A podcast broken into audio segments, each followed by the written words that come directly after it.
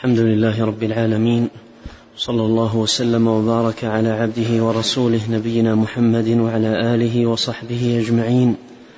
أما بعد فيقول الشيخ عبد الرحمن بن ناصر السعدي رحمه الله فصل ومن البراهين العقلية على وحدانية الله وصدق رسله أن الرسل كلهم وخصوصا إمامهم وخاتمهم محمد صلى الله عليه وسلم قد جاءوا بالحق النافع فأخبارهم كلها حق وصدق وأحكامهم كلها حق وعدل وحكمة فلم يبق حق إلا جاءوا به وبينوه وحثوا الخلق عليه ولا باطل إلا وضحوه وحذروا الخلق عنه. وهذا الأصل متفق عليه بين جميع المعترفين بالنبوات اعترافا صحيحا. فمن ادعى عقلا ومعقولا يناقض هذا الأصل الذي جاءت به الرسل عرفنا يقينا أن معقوله فاسد وأن دعواه باطلة فإن العقل الصحيح لا يخالف الحق الصريح. ومما يوضح هذا ويؤيده أن الحق الذي جاءت به الرسل خبرا وحكما حق واضح معلوم معصوم لا ينقسم إلى محمود ومذموم. بل كله حق محمود وأما من وأما ما ادعاه المخالفون للرسل من المعقولات فإنهم يعتمدون على المعقولات التي تنقسم إلى حق وباطل ومحمود ومذموم باتفاق العقلاء. وأهلها مع ذلك متباينون تباينا عظيما كل طائفة لها معقولات تنصرها وتقدح في معقولات غيرهم. وهم في خبط وخلط وخلاف لا ينضبط. قال تعالى بل كذبوا بالحق لما جاءهم فهم في أمر مريج.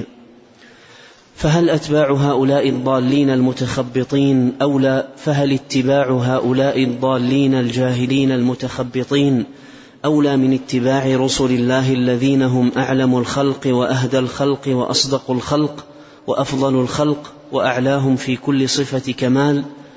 وقد سلموا من كل نقص وعيب وعثرة وقد عصموا في أقوالهم وأفعالهم وقد أنزلت عليهم الكتب العظيمة من الرب العظيم التي هي مادة الهدى ومنبع الرحمة والخير والرشد والنور وأصل السعادة والفلاح. الحمد لله رب العالمين وأشهد أن لا إله إلا الله وحده لا شريك له وأشهد أن محمدا عبده ورسوله صلى الله وسلم عليه وعلى آله وأصحابه أجمعين.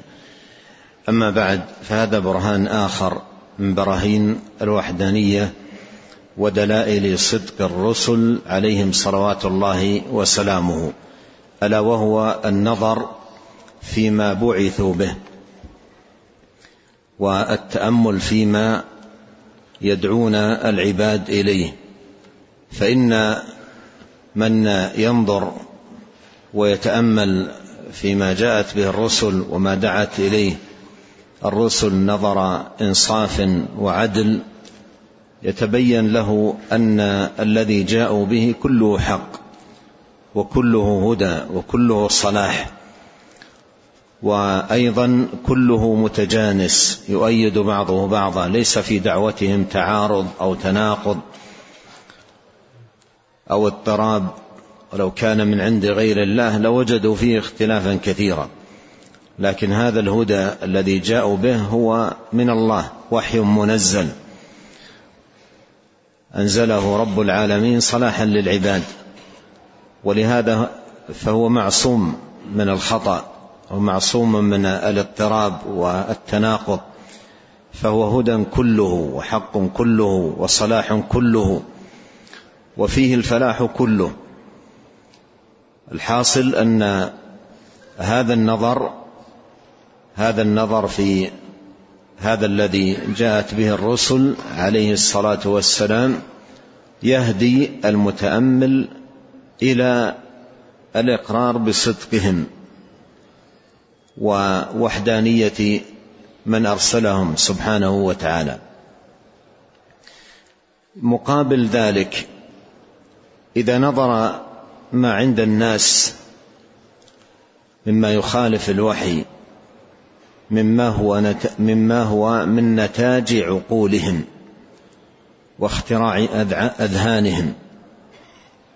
يجد أن فيه الاضطراب وفيه التناقض وفيه التعارض وفيه الخلل وفيه النقص وفيه الحق وفيه الباطل.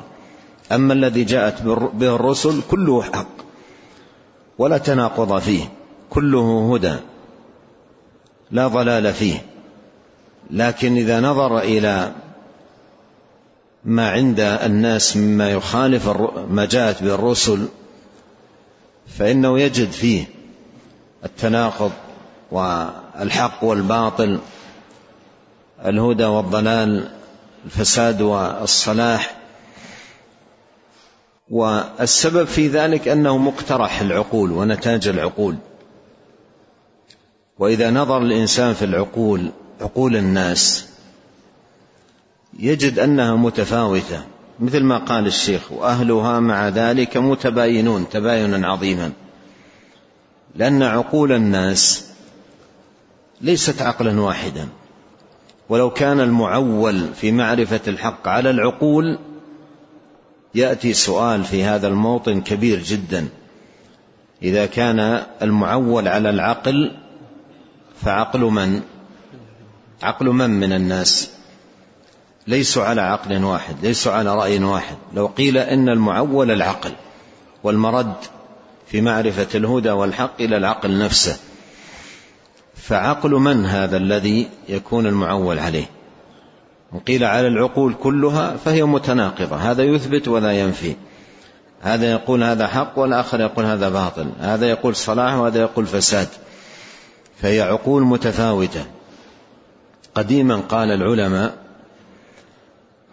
لو كانت الاهواء هوى واحدا لقيل إنه الحق. ولك أيضا أن تقول لو كانت العقول عقلا واحدا لقيل إنه الحق لكنها عقول آراء. مختلفة. فإن قيل الحق فيما جاء به العقل يقال عقل من؟ من هو الذي يكون؟ حتى لو قيل مثلا كبار الحكماء عقل كبار الحكماء كبار الحكماء متناقضون. وهذا يرد على هذا وهذا يخطئ ذا. وليسوا على على وتيرة واحدة. حتى إن الحكماء يتخرج عليهم من تلاميذهم من يرد عليهم. من تلاميذهم من يرد عليهم ويخطئهم في أشياء يتبين أنهم مخطئون فيها. أما الوحي المنزل من الله سبحانه وتعالى فهو وحي معصوم ولهذا ينبغي أن يعلم أن باب الهدى مرده إلى التسليم التام للوحي مرده إلى التسليم التام للوحي المنزل من الله. وألا نخضع الوحي المنزل لعقولنا جدلا وخصومة. مرة رجل جاء إلى الإمام مالك وأراد أن يتناظر معه. فقال له مالك رحمه الله إن غلبتك. قال أتبعك. قال وإن غلبتني. قال تتبعني. قال وإن جاء شخص ثالث غلبنا. قال نتبعه. قال يا هذا الدين ليس لمن غلب. ليس في المسألة. الدين ليس لمن غلب. قال أو كلما جاءنا رجل أجدل من رجل تركنا الكتاب والسنة لجدله. إذا هذا ضياع الدين. فحقيقة الدين والتدين أن يسلم المرء تسليما تاما للوحي.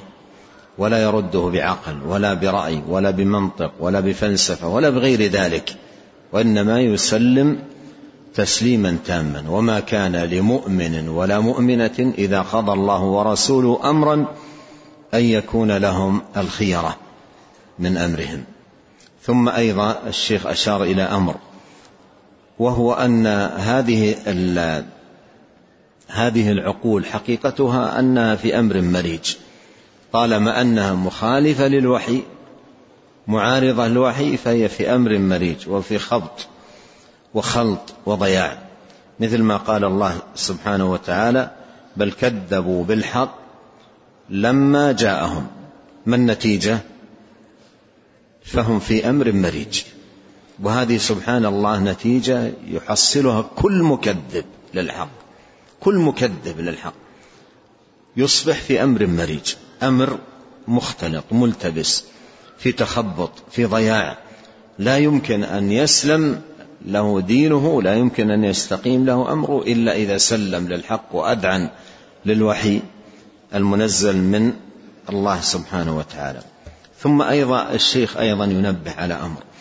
يقول عندما ننظر النظر الأول الذي هو عصمة ما جاء به الرسل وسلامته وكمال الرسل أيضا في في أنفسهم وفي بلاغهم لدين الله وننظر في العقول والآراء وتفاوتها وتباينها. يقول فهل اتباع هؤلاء الضالين الجاهلين المتخبطين الذين هم في أمر مريج أولى من اتباع الرسل؟ أولى من اتباع الرسل الذين هم أعلم الخلق وأعلى الخلق وأهدى الخلق وأصدق الخلق وأفضل الخلق وقد سلموا من كل نقص وعيب. وسلموا من العثرة لأنهم لا ينطقون عن الهوى وإنما مهمتهم بلاغ كلام من أرسلهم وما على الرسول إلا البلاغ. نعم. قال رحمه الله وقد نوع الله البراهين الدالة على صدقهم وصحة ما جاءوا به وأنه الحق وما سواه ضلال. وأنه نور ورحمة وخير وما سواه ظلمات وشرور وفساد. فبأي حديث بعد الله وآياته يؤمنون؟ ويل لكل أفاك أثيم. يسمع آيات الله تتلى عليه ثم يصر مستكبرا كأن لم يسمعها. فبشره بعذاب أليم. أما والله لقد وضحت السبل للسالكين وظهرت براهين الحق وآياته للموقنين. وبان الهدى والنور وبان, وبان الهدى والنور وبان الهدى والنور اليقين للمستبصرين وقامت الحجة على المعاندين. نعم يقول الشيخ أن الأمر واضح النور واضح والهدى واضح والحق واضح والسبيل واضحة والحجة قائمة. على المعاندين. الأمر واضح ولكن كما قال الله فإنها لا تعمى الأبصار ولكن تعمى القلوب التي في الصدور. نعم. قال رحمه الله ولهذا كان جميع الأشقياء المخالفون للرسل يعترفون بأنهم خالفوا الرسل وخالفوا العقل فقالوا لو كنا نسمع أو نعقل ما كنا في أصحاب السعير. فاعترفوا بذنبهم فسحقا لأصحاب السعير. قف هنا وتأمل هذا كلام عظيم ختم به رحمه الله عظيم جدا. الآن هؤلاء الذين عارضوا الرسل بعقولهم ورأوا أن عندهم عقول ناضجة عقول آه، تفهم وعقول مكتملة يزعمونها لأنفسهم عارضوا بها ما جاءت به الرسل رسل الله. يوم القيامة. عارضوا بها رسول الله. يوم القيامة ماذا يقولون؟ هؤلاء الذين يدعون لأنفسهم العقول التامة الراجحة التي عارضوا بها الرسل ماذا يقولون يوم القيامة؟ لو كنا نسمع يقولون يوم القيامة لو كنا نسمع أو نعقل. ما كنا نعقل. يعترفون أنهم ما كان عندهم عقول. يعترفون يوم القيامة أنهم فعلا ما كان عندهم عقول وفي الدنيا ماذا كانوا يقولون عن أنفسهم؟ في الدنيا ماذا كانوا يقولون عن أنفسهم؟ يوم القيامة يقول ما كنا نسمع ولو كنا نسمع أو نعقل ما كنا في أصحاب السعير. فيعترفون يوم القيامة أنهم لا عقل ولا نقل. يعترفون يوم القيامة أنهم لا عقل ولا النقل عرضوه ولم يقبلوه. والعقول التي كانوا يعظمونها في الدنيا ويزعمون أنها ناضجة راجحة إلى آخره يعترفون يوم القيامة أنهم ما كان عندهم عقل. خذ من هذا فائدة مهمة أن كل معارض كل معارض لما جاءت به الرسل لا عقل له حتى وإن زعم أنه أعقل العقلاء. كل معارض لما جاءت به الرسل مكذب لما جاءت به الرسل هو في الحقيقة لا عقل له. وإن زعم أنه أعقل العقلاء وأحكم الحكماء وإن لم يسلم بذلك ويقر بذلك على نفسه في الدنيا سيقر بذلك يوم القيامة. فيقول مع هؤلاء لو كنا نسمع أو نعقل ما كنا في أصحاب السعير فاعترفوا بذنبهم. فاعترفوا بذنبهم. فقد لا يسلم في الدنيا. قد لا يسلم ويرى أنه هو هو وشأنه آه، معظم إلى آخره لكن يوم القيامة سيعترف أنه فعلا ما كان عنده عقل. ولهذا كل مخالف لما جاءت به الرسل عليهم صلوات الله والسلام لا عقل له. نعم. قال رحمه الله ومن البراهين العقلية على وحدانية الله وغناه وافتقار الخليقة كلها إليه ما فطر الله عليه عباده وخصوصا خواص الخلق من الأنبياء والرسل أئمة الهدى ومصابيح الدجى وأهل العقول الوافية والألباب الرزينة الذين هم الطبقة العليا من الخلق فإنهم فطروا على الاعتراف الكامل بوحدانية الله وأنه المقصود المعبود في كل الأحوال وصار هذا الأمر في قلوبهم أعظم الحقائق كلها وأوضحها وأجلاها. وهي علوم بديهية ضرورية لا يمكن أحدا دفعها. وليس عند المنكر لذلك ما يدفع هذا العلم اليقيني والطريق البرهاني إلا عدم علمه بذلك لفساد إدراكه واشتغاله بالعقائد الفاسدة. وإعراضه عن طلب الهدى. نعم هذا أيضا برهان آخر وهو آه، ما فطر الله عليه العباد. مثل ما قال الله سبحانه وتعالى فطرة الله التي فطر الناس عليها لا تبديل لخلق الله. ذلك الدين القيم ولكن أكثر الناس لا يعلمون. وجاء في الحديث الصحيح أن النبي صلى الله عليه وسلم قال قال الله تعالى خلقت عبادي حنفاء. فأتتهم الشياطين فاجتالتهم عن دينهم. وأيضا في الحديث الآخر قال كل مولود يولد على الفطرة فأبواه يهودانه أو ينصرانه أو يمجسانه. فهذا من الشواهد شواهد الوحدانية. ما فطرت عليه القلوب من التوحيد والإقرار والإيمان بوحدانية الله سبحانه وتعالى فطرت على ذلك.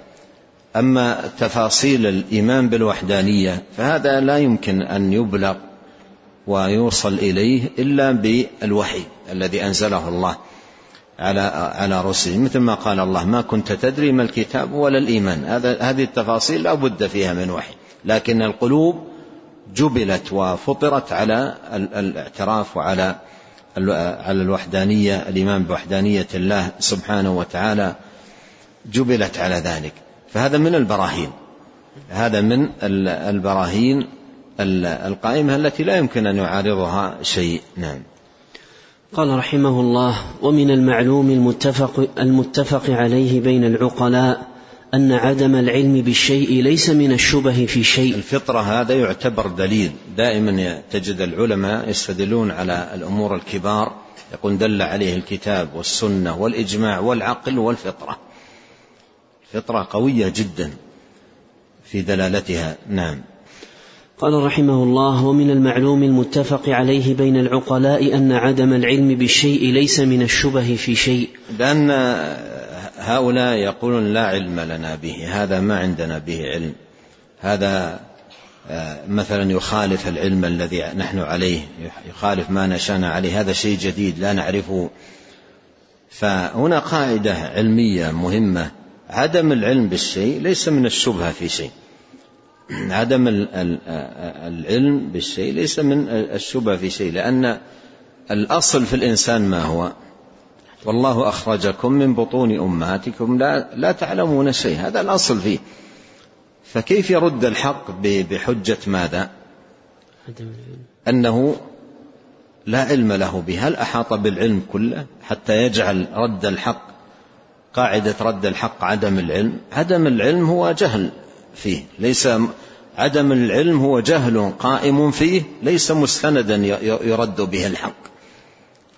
ولهذا كثير من من الناس يرد الحق بلا علم لي بذلك ويرده.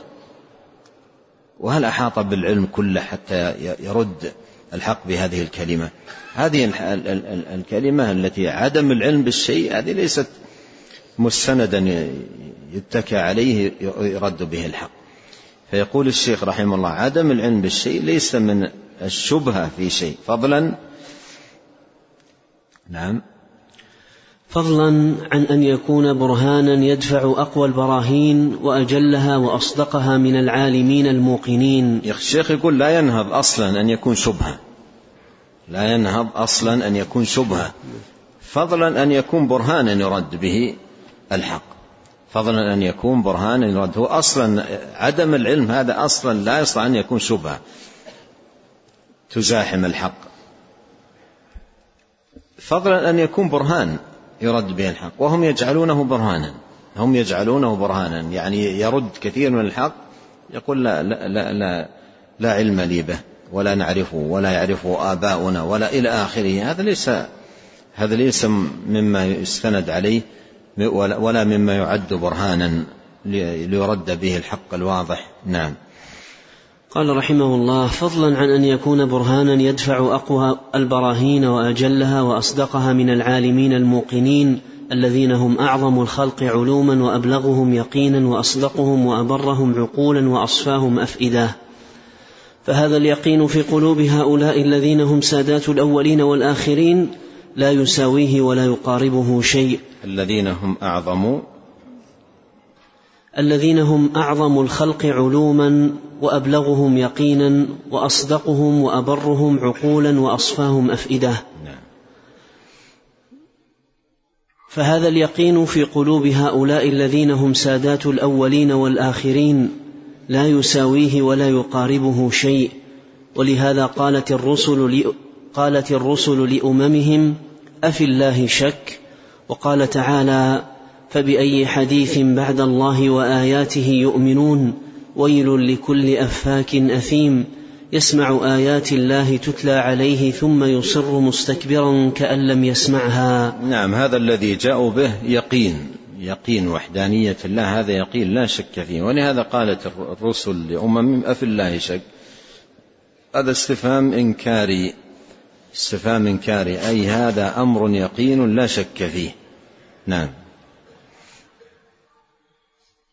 وقال تعالى فبأي حديث بعد الله وآياته يؤمنون؟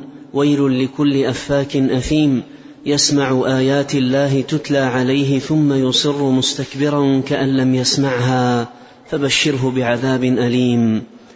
فهذا العلم اليقيني البديهي الضروري المتفق عليه بين أهل العلم واليقين.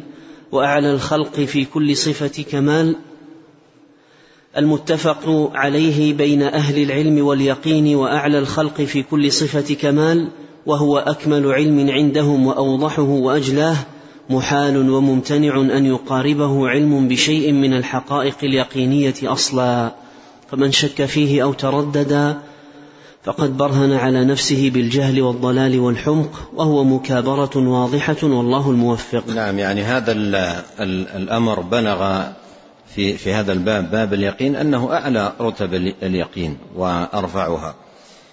و آه، لا يمكن يعني يمتنع أن يقاربه علم بشيء من الحقائق اليقينية. من الحقائق اليقينية. فأعلى ما يمكن أن يكون في في باب اليقين اليقين بوحدانية الله سبحانه وتعالى. نعم.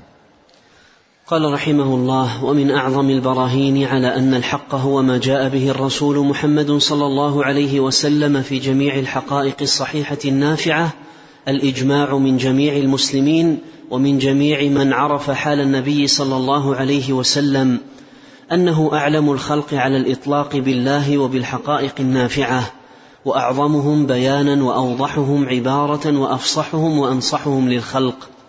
وهذه الأمور إذا كملت وقد كملت على وجه الكمال التام في محمد صلى الله عليه وسلم بحيث لا يدانيه ولا يقاربه أحد في العلم والبلاغة والنصح علم يقينا ضروريا أن جميع ما جاء به هو الحق الذي لا ريب فيه. نعم يعني هذه أوصاف قامت في آه، في الرسول عليه الصلاة والسلام أنه أعلم آه، الخلق و اعظمهم بيانا وأنصحهم للخلق ثلاثة أمور يعني في جملتها التي هي العلم والفصاحة والنصح فهو أعلم الخلق كما قال عليه الصلاة والسلام إن أعلمكم بالله وأتقاكم لله أنا وأفصح الخلق أقدرهم على البيان والإيضاح. صلوات الله وسلامه عليه وبيان الأمور. وأوتي جوامع الكلم. وكان يقول الكلمة الوجيزة القليلة الألفاظ الجامعة للمعاني الكثيرة. حتى إن إن إن فصاحته بهرت العقول. تجد حديثا واحدا لا يتجاوز في في في في في في حروفه وكلماته السطر الواحد ثم يستنبط منه العلماء عشرات الفوائد. هذا لا يوجد في أي كلام آخر. فمن يتأمل هذه الفصاحة وكمال العلم وأيضا النصح قد جاءكم رسول من أنفسكم عزيز عليه ما عنتم حريص عليكم بالمؤمنين رؤوف رحيم. فهذه الأمور إذا إذا كملت وقد كملت على وجه الكمال التام في محمد عليه الصلاة والسلام العلم والفصاحة والنصر بحيث لا يدانيه ولا يقارب أحد لا في العلم ولا في البلاغة ولا في النصح علم يقينا ضروريا علما يقينا ضروريا أن جميع ما جاء به هو الحق الذي لا ريب فيه. ولهذا من الأصول التي تعتمد في إقامة الحجة في هذا الباب هذه الأمور الثلاثة ويستعملها أحيانا بعض أهل العلم في باب المناظرة. تقرير العلم والفصاحة وال والنصح. نعم. قال رحمه الله لا سيما في باب التوحيد. يعني حتى في إبطال بعض البدع حتى في إبطال بعض البدع التي أحدثها الناس. يرد بهذه الطريقة. هل هذا الأمر الذي تقولونه هل بينه النبي صلى الله عليه وسلم أو لم يبين؟ إن كان بين فهو موجود في سنته. إن لم يبين هل علمه أو لم يعلم إن قلتم حق ولا يعلمه الرسول هذا طعن في ماذا؟ علمه. ثم ينتقل معهم إن كان علمه يقول علمه مثلا هل هو قادر على بيانه أو ليس قادرا؟ إن قالوا ليس لم يكن قادرا على بيانه هذا طعن فيه فصاحته وقدرته على البيان. فإن قالوا هو عالم به وقادر على بيانه ولم يبين هذا طعن في ماذا؟ في نصحه. فهذا مما يستعمل هذه الأمور الثلاثة مما تستعمل في رد كل باطل. لأن النبي صلى الله عليه وسلم أوتي العلم التام والفصاحة التامة والنصح التام. صلوات الله وسلامه وبركاته عليه. نعم. قال رحمه الله لا سيما في باب التوحيد وبيانه العظيم في أن الله في أن لله الأسماء الحسنى والصفات الكاملة العليا. التي تفرد بها وتوحد ولم يشاركه فيها مشارك. وهذا وحده برهان كاف شاف لمن له أدنى عقل أو ألقى السمع وهو شهيد. والتوحيد هو زبدة دعوة الرسل أجمعين وخلاصة رسالتهم. نعم. قال رحمه الله فيا عجبا لمن يعارض ما جاء به هذا النبي العظيم الذي جاء بشريعة ما طرق العالم أعظم منها ولا أكمل ولا أصح بأقوال الماديين الذين سفهت أحلامهم وفسدت وفسدت عقولهم. هذا من فساد العقول وضياعها أن يعارض كلام الرسول عليه الصلاة والسلام الذي هو أعلم الخلق وأفصح الخلق وأنصح الخلق صلوات الله وسلامه عليه بكلام الماديين أو كلام الفلاسفة أو كلام غيرهم. فهذا هذا هذا من فساد العقول ونقصها وضياعها. نعم. قال رحمه الله واتضح أن جميع ما عارضوا به الأديان جهل وضلال ومكابرة صريحة وذلك معروف بالتتبع لجميع المسائل التي عارضوا فيها الرسل. نعم من يتتبع المسائل على وجه التفصيل التي عارض بها أهلها ما جاءت به الرسل يجد أنها كلها ضلال. أنها كلها ضلال. وأنها كلها اتباع للهوى فإن لم يستجيبوا لك فاعلم أنما يتبعون أهواءهم ومن أضل ممن اتبع هواه بغير هدى من الله. نعم. قال رحمه الله قال تعالى في حقهم وحق أمثالهم فلما جاءتهم رسلهم بالبينات فرحوا بما عندهم من العلم وحاق بهم ما كانوا به يستهزئون. هذه مصيبة هؤلاء. يعني عندهم علم والمقصود بالعلم علوم يعني دنيوية وأشياء من هذا القبيل. فلما جاءت دعوة الرسل كابروا وأخذوا يعارضون دعوة الرسل بهذه العلوم التي عندهم فرحوا بها. إما في الطب أو في الهندسة أو في أشياء من هذا القبيل علوم دنيوية بحتة.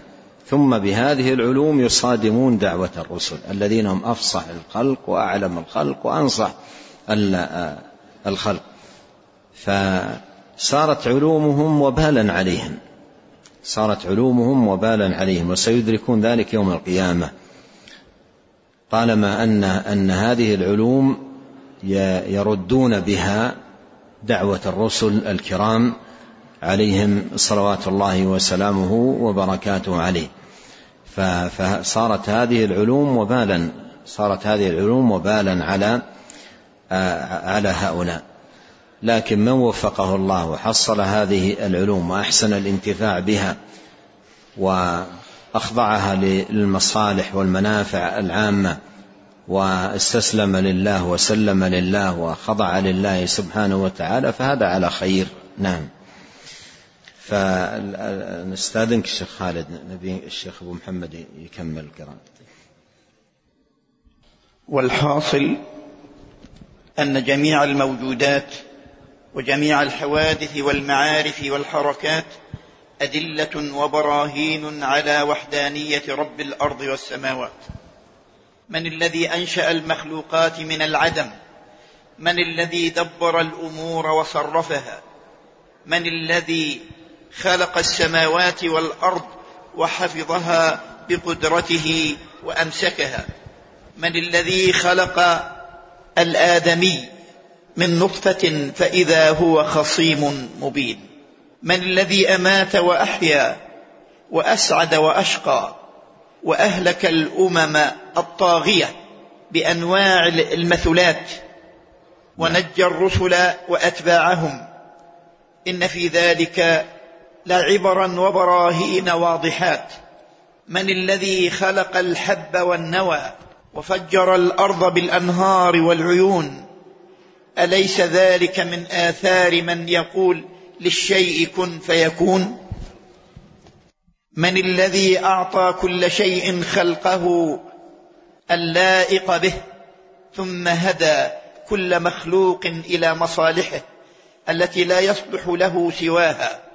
من الذي علم العلوم المتنوعة والفنون؟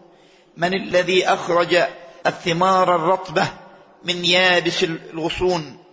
من الذي أحكم الأشياء بغاية الحكمة وكمال الانتظام وأتقنها؟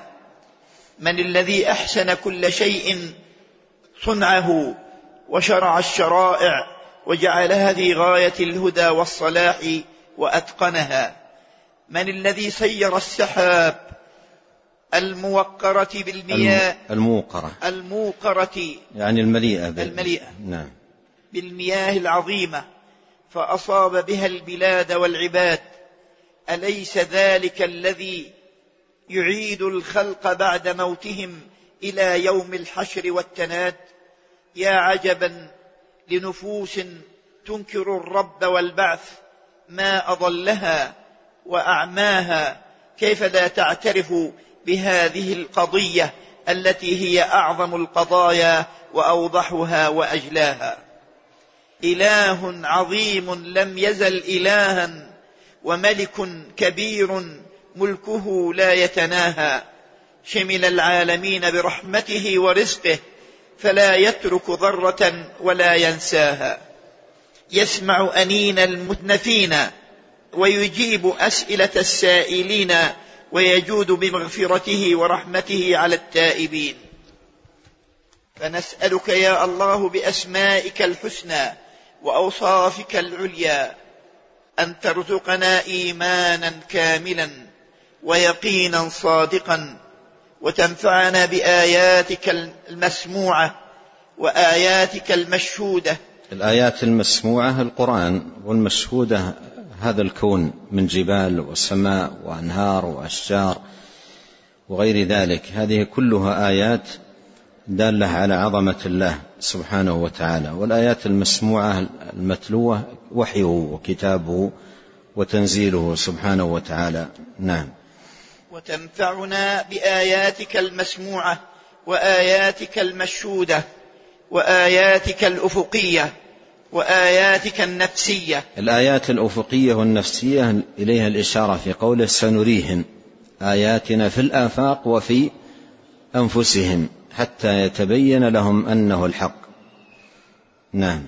فإنها براهين للموقنين وآيات للمستبصرين وحجة على المعاندين والمكابرين ورحمة منك وإحسانا على الخلق أجمعين. اللهم صل وسلم وبارك على محمد وعلى آله وأصحابه وأتباعه إلى يوم الدين.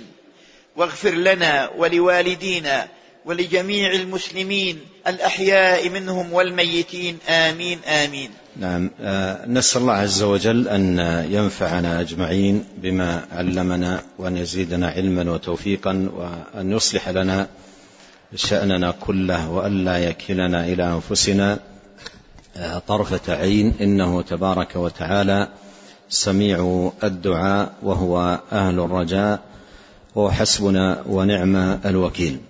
هذا الكتاب آه، كما قدمت عظيم في بابه ويتمم الفائدة في هذا الكتاب كتابه الآخر الأدلة القواطع والبراهين في إبطال أصول الملحدين وأيضا كتاب نفيس جدا في بابه وبإذن الله سبحانه وتعالى آه، نشرع في قراءته اعتبارا من الأحد القادم وغدا الخميس ننبه أنه لا يوجد درس.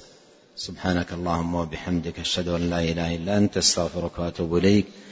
اللهم صل وسلم على عبدك ورسولك نبينا محمد وآله وصحبه. جزاكم الله خيرا.